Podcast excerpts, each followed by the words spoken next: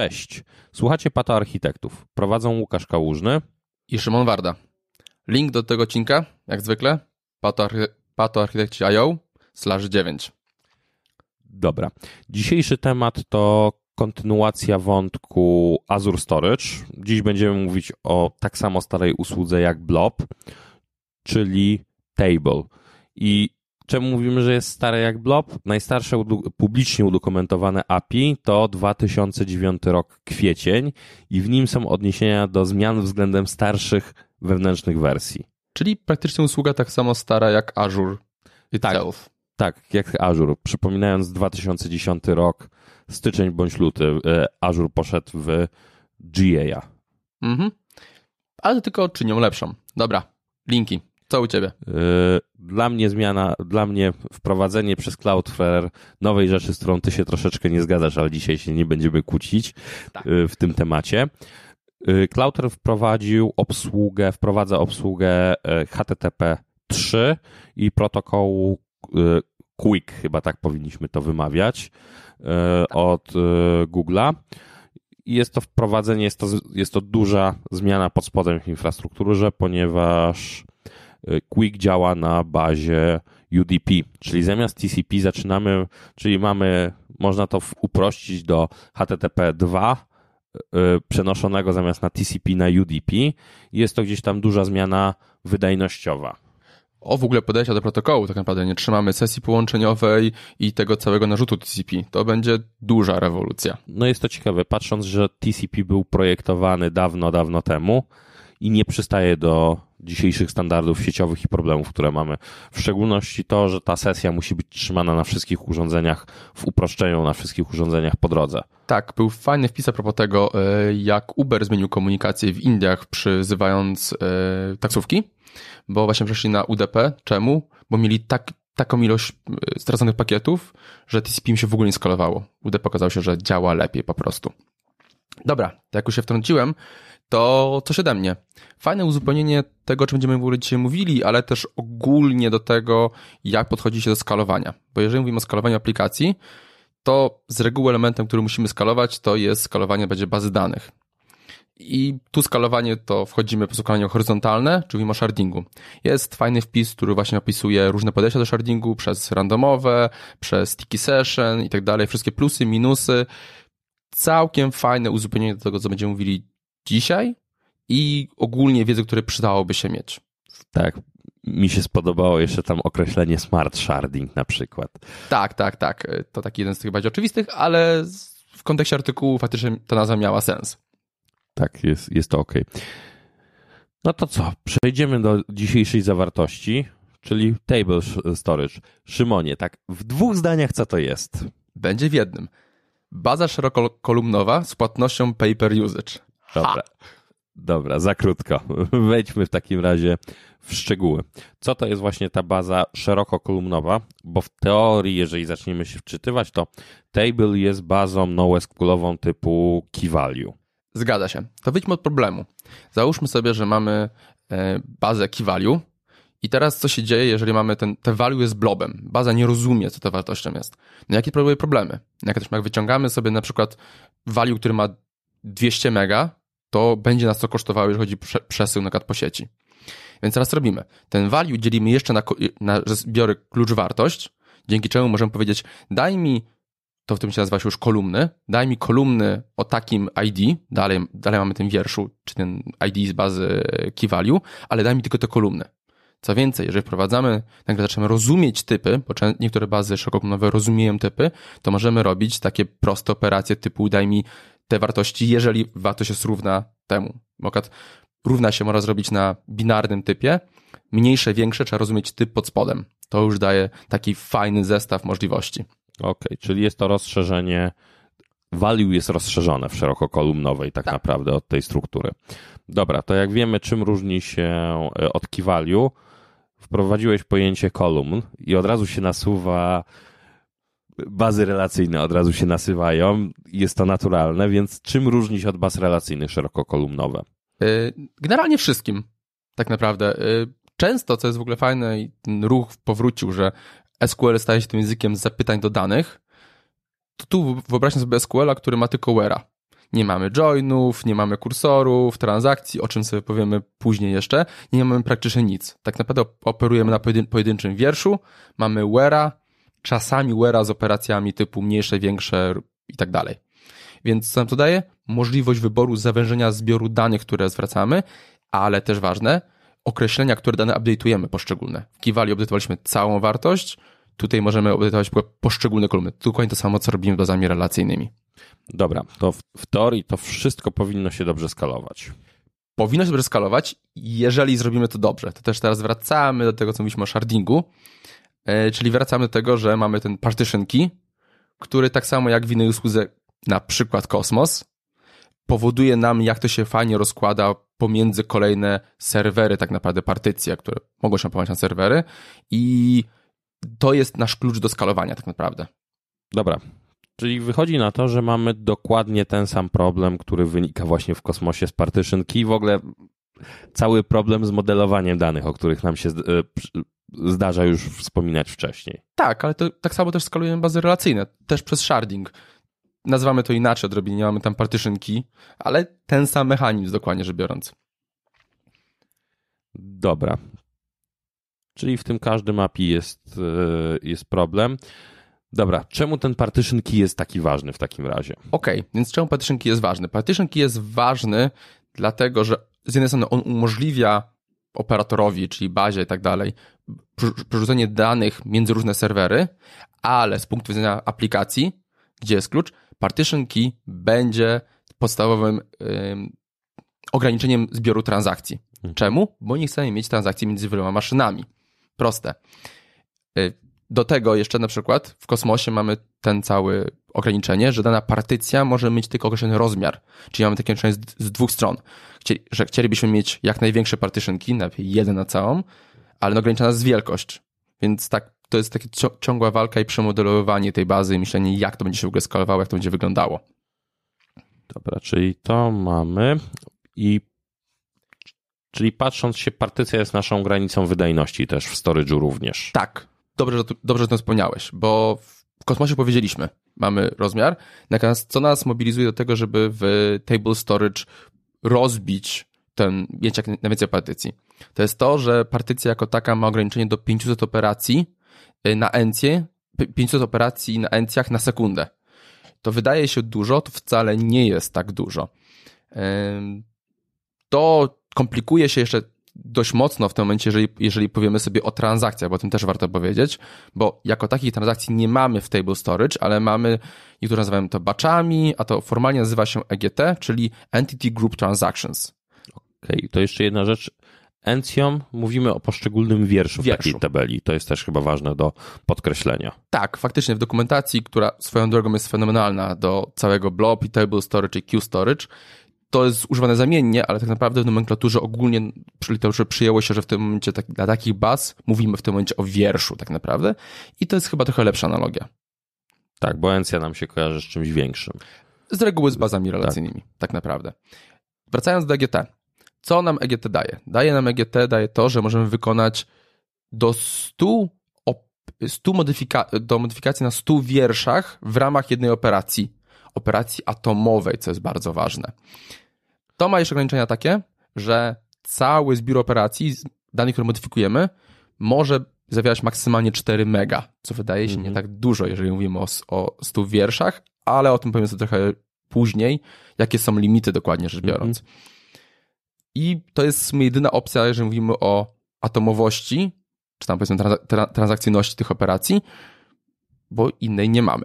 Tak, czyli dotyczą tego samego partition key, do 100 wierszy, przy czym sam y, payload tej transakcji może być nie większy niż 4 mega. Dokładnie tak. Sumując, dobra. To jeszcze y, jedna rzecz, bo zawsze będzie, to jest chyba klasyka w ogóle w IT, czyli nazewnictwo, bo mamy, mamy ten partition key i ten klucz wiersza row key. Jak jest z jego ograniczeniami, jeżeli chodzi o nazewnictwo? Mamy parę znaków specjalnych. Slashe, backslashe, hasze i tak dalej. Jest ponownie naprawdę dobra dokumentacja i tą do końca trzeba zawsze spoglądać, bo ona się zmienia. Nawet sam wspomniałeś, że niektóre znaki zostały wyłączone z partition key. Trzeba mieć to na uwadze. E, co więcej, są też ograniczenia, jeżeli chodzi o samą długość tych znaków. Chyba jest do 4 bajtów. Jakoś tak. E, do, do, do, 4, do 4 kilo per pojedynczy klucz, bo on też nie może być, nie może być zbyt długi. E, I chyba tyle, jeżeli, jeżeli mówimy o ograniczeniach na same wartości tam zapisywane. Dobra. To jeszcze co się stanie, jeżeli transakcja się nie uda? I to jest bardzo dobre pytanie, bo jeżeli transakcja się nie uda, nasza atomowa operacja, nazwijmy to tak, to jeżeli byliśmy w ramach jednej partycji, w ramach poniżej tych 4 mega, poniżej tych 100 operacji, to zostanie wycofana i dostaniemy informację w HTTP, bo taki jest interfejs komunikacji z całym yy, storage accountem, że ok, nie udało się. Ciekawsze rzeczy dzieją się w sytuacji, jak na przykład mamy na wiele partycji, bo wtedy część operacji się uda, część się nie uda, request będzie jako OK, dostaniemy szczegóły, gdzie się co nie udało. Dobra, czyli teraz właśnie wspomniałeś, bo powiedzieliśmy wcześniej, że yy, obszarem transakcji jest partycja. Tak. Tak, czyli tutaj tak naprawdę jednym dużym requestem z różnymi partition ID tworzymy wiele transakcji. Wiele operacji atomowych. Tak, wiele operacji atomowych to będzie dobre. Dobra, to jeszcze jedna rzecz mi się od razu taka narzuca. Jak wygląda, bo Cassandra też wspiera podejście kolumnowe. I właśnie jak ma się table storage do Cassandry?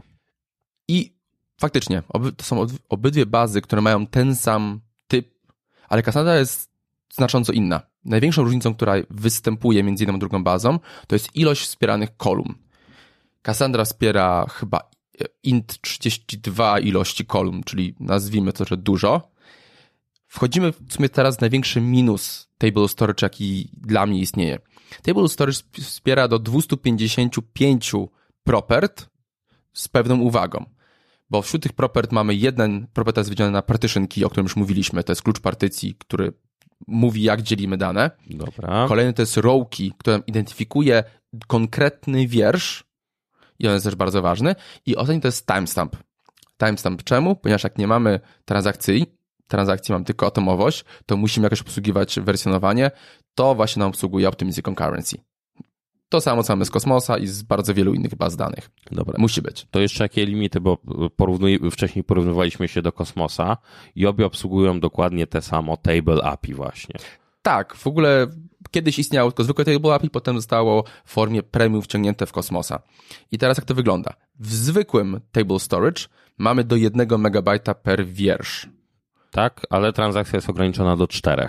Zgadza się jak najbardziej, tak. E, w Kosmosie mamy do 2 mega, więc to poszło trochę wyżej. I Kosmos ma też lepsze SLA, jeżeli chodzi o w ogóle dostępy, czasy przy tych tam percentylach. E, co tam dalej się dzieje? Maksymalny rozmiar property, jako takie wartości, to jest tylko 64 kilobajty. To nie jest dużo, zaznaczam, ale też jeżeli mapuje się dobrze, wystarczy. To to, tak, upchanie całego pliku tekstowego na przykład odpada. Tak, o tym jeszcze dochodzili, jak nie stosować tego storage, tak. bo to nie jest baza key value, tam trzeba trochę bardziej wysilić się nad wykorzystywaniem jej. Tak. Dobra, to popatrzmy sobie, jak jesteśmy przy limitach, mamy już transakcje, mamy wszystkie takie kluczowe rzeczy, jak, i jak wyglądają wtedy koszty tej usługi. I to jest najlepszy element e, Table Storage. Po pierwsze, w Table Storage, w przeciwieństwie do Cosmosa, płacimy tylko za użycie. Nie ma żadnego provisioningu, nie określamy się upstate, jak to będzie wyglądało. I teraz płacimy za dwie rzeczy tak naprawdę. Po pierwsze, płacimy e, za gigabajt przechowywanych danych za miesiąc. I on jest różny w zależności od, od, od poszczególnego tiera, w którym jesteśmy, e, czyli od poziomu replikacji tych danych. I on jest od 6 do 8 centów miesięcznie. Za gigabajt. Z, miesięcznie. Tak. Miesięcznie. Tak. To jak się porówna to z kosmosem, to pokazuje, czemu ta usługa jest tak bardzo fajna. Tak, ale jak w storage'u płacimy pewnie za operację. Płacimy za operację i tu też fajnie jest, jednostką podstawową jest 10 tysięcy operacji i to jest pół centa za 10 tysięcy operacji. Pół nie. Masz 3 zera. Mam 3 zera. Faktycznie. To jest jeszcze mniej. Tak, jeszcze mniej. Dobra. E, to jak jesteśmy, cloud zmusza nas do też optymalizacji pod względem ceny i przygotowania architektury też często pod cenę i konkretny usage. I jak to ma się do table storage? Do table storage przede wszystkim to, co musimy zrobić, to zastanowić się nad modelowaniem tych danych. No, to, co doskonale obaj wiemy. Do chmury rzeczy można wrzucić, albo można je ładnie zdeployować chmurze, żeby wykorzystywały wszystkich plusów. Yy, przede wszystkim to, co jest podstawą przy table storage, to jest to, że dane muszą być denormalizowane. Czyli dochodzimy do tego, że jak odczytujemy dane, nie mamy joinów, nie mamy nic, to odczytujemy dane, dane w bazie, mamy zapisane dokładnie tak, jak będziemy je odczytywać. A zapisujemy je w innej formie, czyli najczęściej wrzucamy dane przy zapisie do kolejki i potem różne workery odpowiednio dane denormalizują, tworząc modele odczytowe. Dobra. Tu powiedziałeś jeszcze właśnie, ciągle wspominasz o denormalizacji, jak ja nienawidzę tego wymawiać. E, jak należy robić to poprawnie? It's complicated. Jedno z takich najprostszych zaleceń jest to, że tak naprawdę jak mamy obiekt jakiś, klasę, to wykropkowujemy sobie wszystkie pafy do propert i zapisujemy je jako poszczególne e, kolumny w naszej wartości i wartości propert są jako wartości tych propert. To jest bardzo taki najbardziej intuicyjne podejście. Ono jest fajne, jeżeli te obiekty mają, uwaga, no oczywiście do 255 propert. Czyli podchodzimy troszeczkę jak z e, w bazach dokumentowych, że dokument powinien zawierać e, całą encję. Tak. To jest najbezpieczniejsze podejście i od niego jest dobrze wyjść. Potem możemy kombinować w kontekście oszczędzania, w kontekście trzymania niektórych obiektów razem i tak dalej, ale jak już chyba też się wielokrotnie nauczyliśmy, te problemy się rozwiązuje dopiero jak, dopiero jak je się ma, albo jak się widzi, że się będzie je miało. Overengineering w tym przypadku jest bardzo zły. Chyba jeszcze jedna rzecz, o której potem też e, wrócimy, to jest warto też wiedzieć, że w niektórych przypadkach trzeba budować rzeczy, model danych pod security. Tak, jak najbardziej. Dobra. Jak jesteśmy przy takich rzeczach, to trzeba jeszcze jeden ważny obszar poruszyć, który jest złożony i istotny, czyli API, sposób dostępu do tego. Tak, i przy API, to podkreślimy to, co już powiedzieliśmy. API jest po HTTP. E, co z tym implikuje się? Implikuje się to, że API wyraźnie mówi, nie ma transakcji, nie będzie transakcji, jest atomowość. E, ale za to te problemy, o których mówimy, są rozwiązane w inny sposób. Na przykład mamy operacje takie insert or merge albo insert or replace. I jak do tego podchodzimy? Ponieważ nie możemy zrobić tego, co robimy normalnie w przewodach relacyjnych, czyli sprawdź, czy wiersz istnieje, znaczy otwórz transakcję, sprawdź, czy wiersz istnieje, jak, jak istnieje to zabytu, jak nie istnieje, to coś tam z nim zrób. I potem zapnij transakcję. Tam jest ten transakcja z per request. Tak, no można takie coś zrobić, ale nie mamy pewności, co pobraliśmy i potem zapisaliśmy. Tak, dokładnie, może się wiele rzeczy wydarzyć. Dlatego w Insert Merge mamy taką operację, która sama w sobie atomowo sprawdza i odpowiednio realizuje z, yy, merge'owanie, czyli update poszczególnych propert, a replace po prostu zamienia cały, cały wiersz. wiersz. Wszystkie, wszystkie po prostu kolumny w tym wierszu.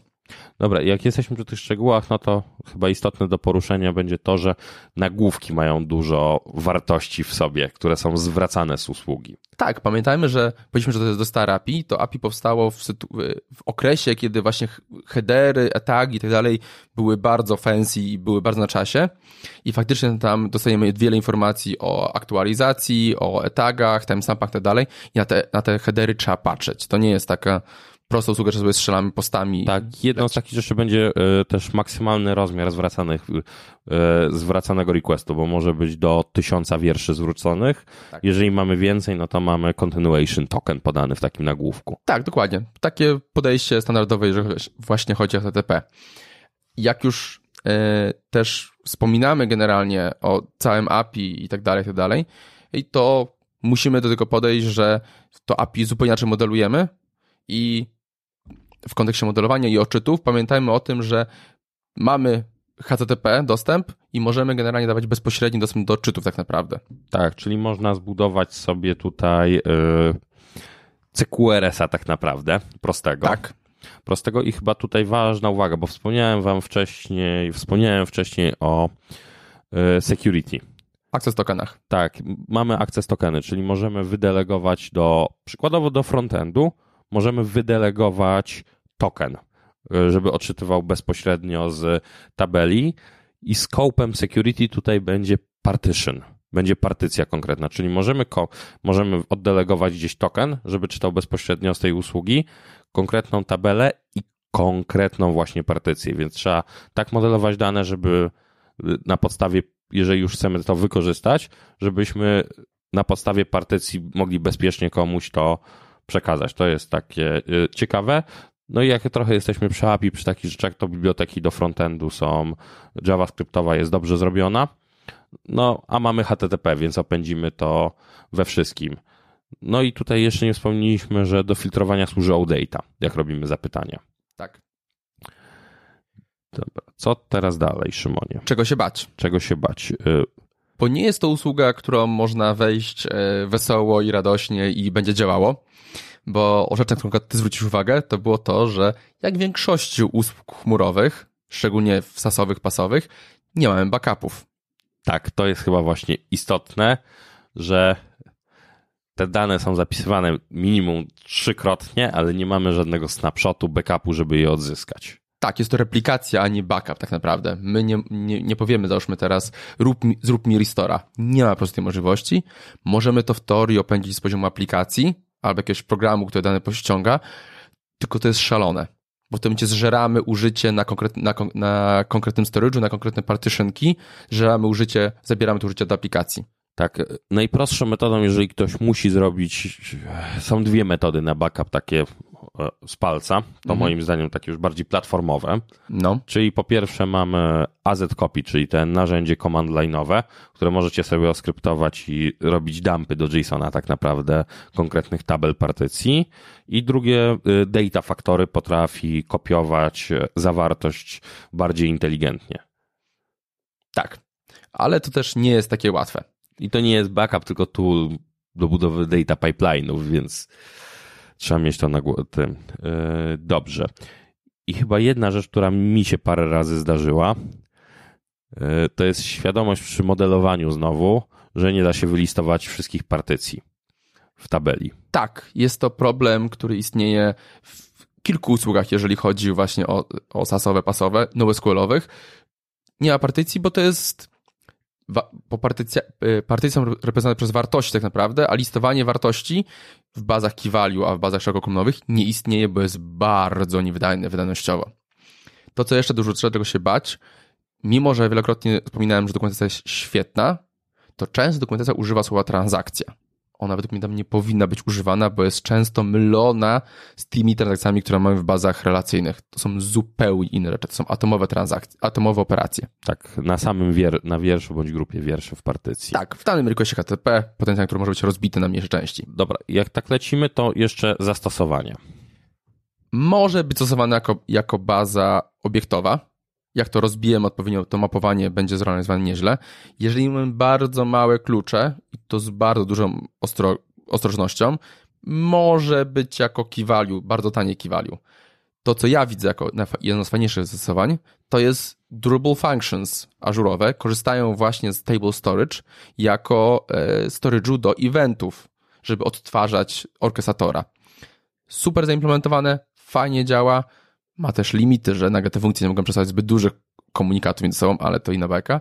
Ale można się tym wzorować i naprawdę fajne użycie.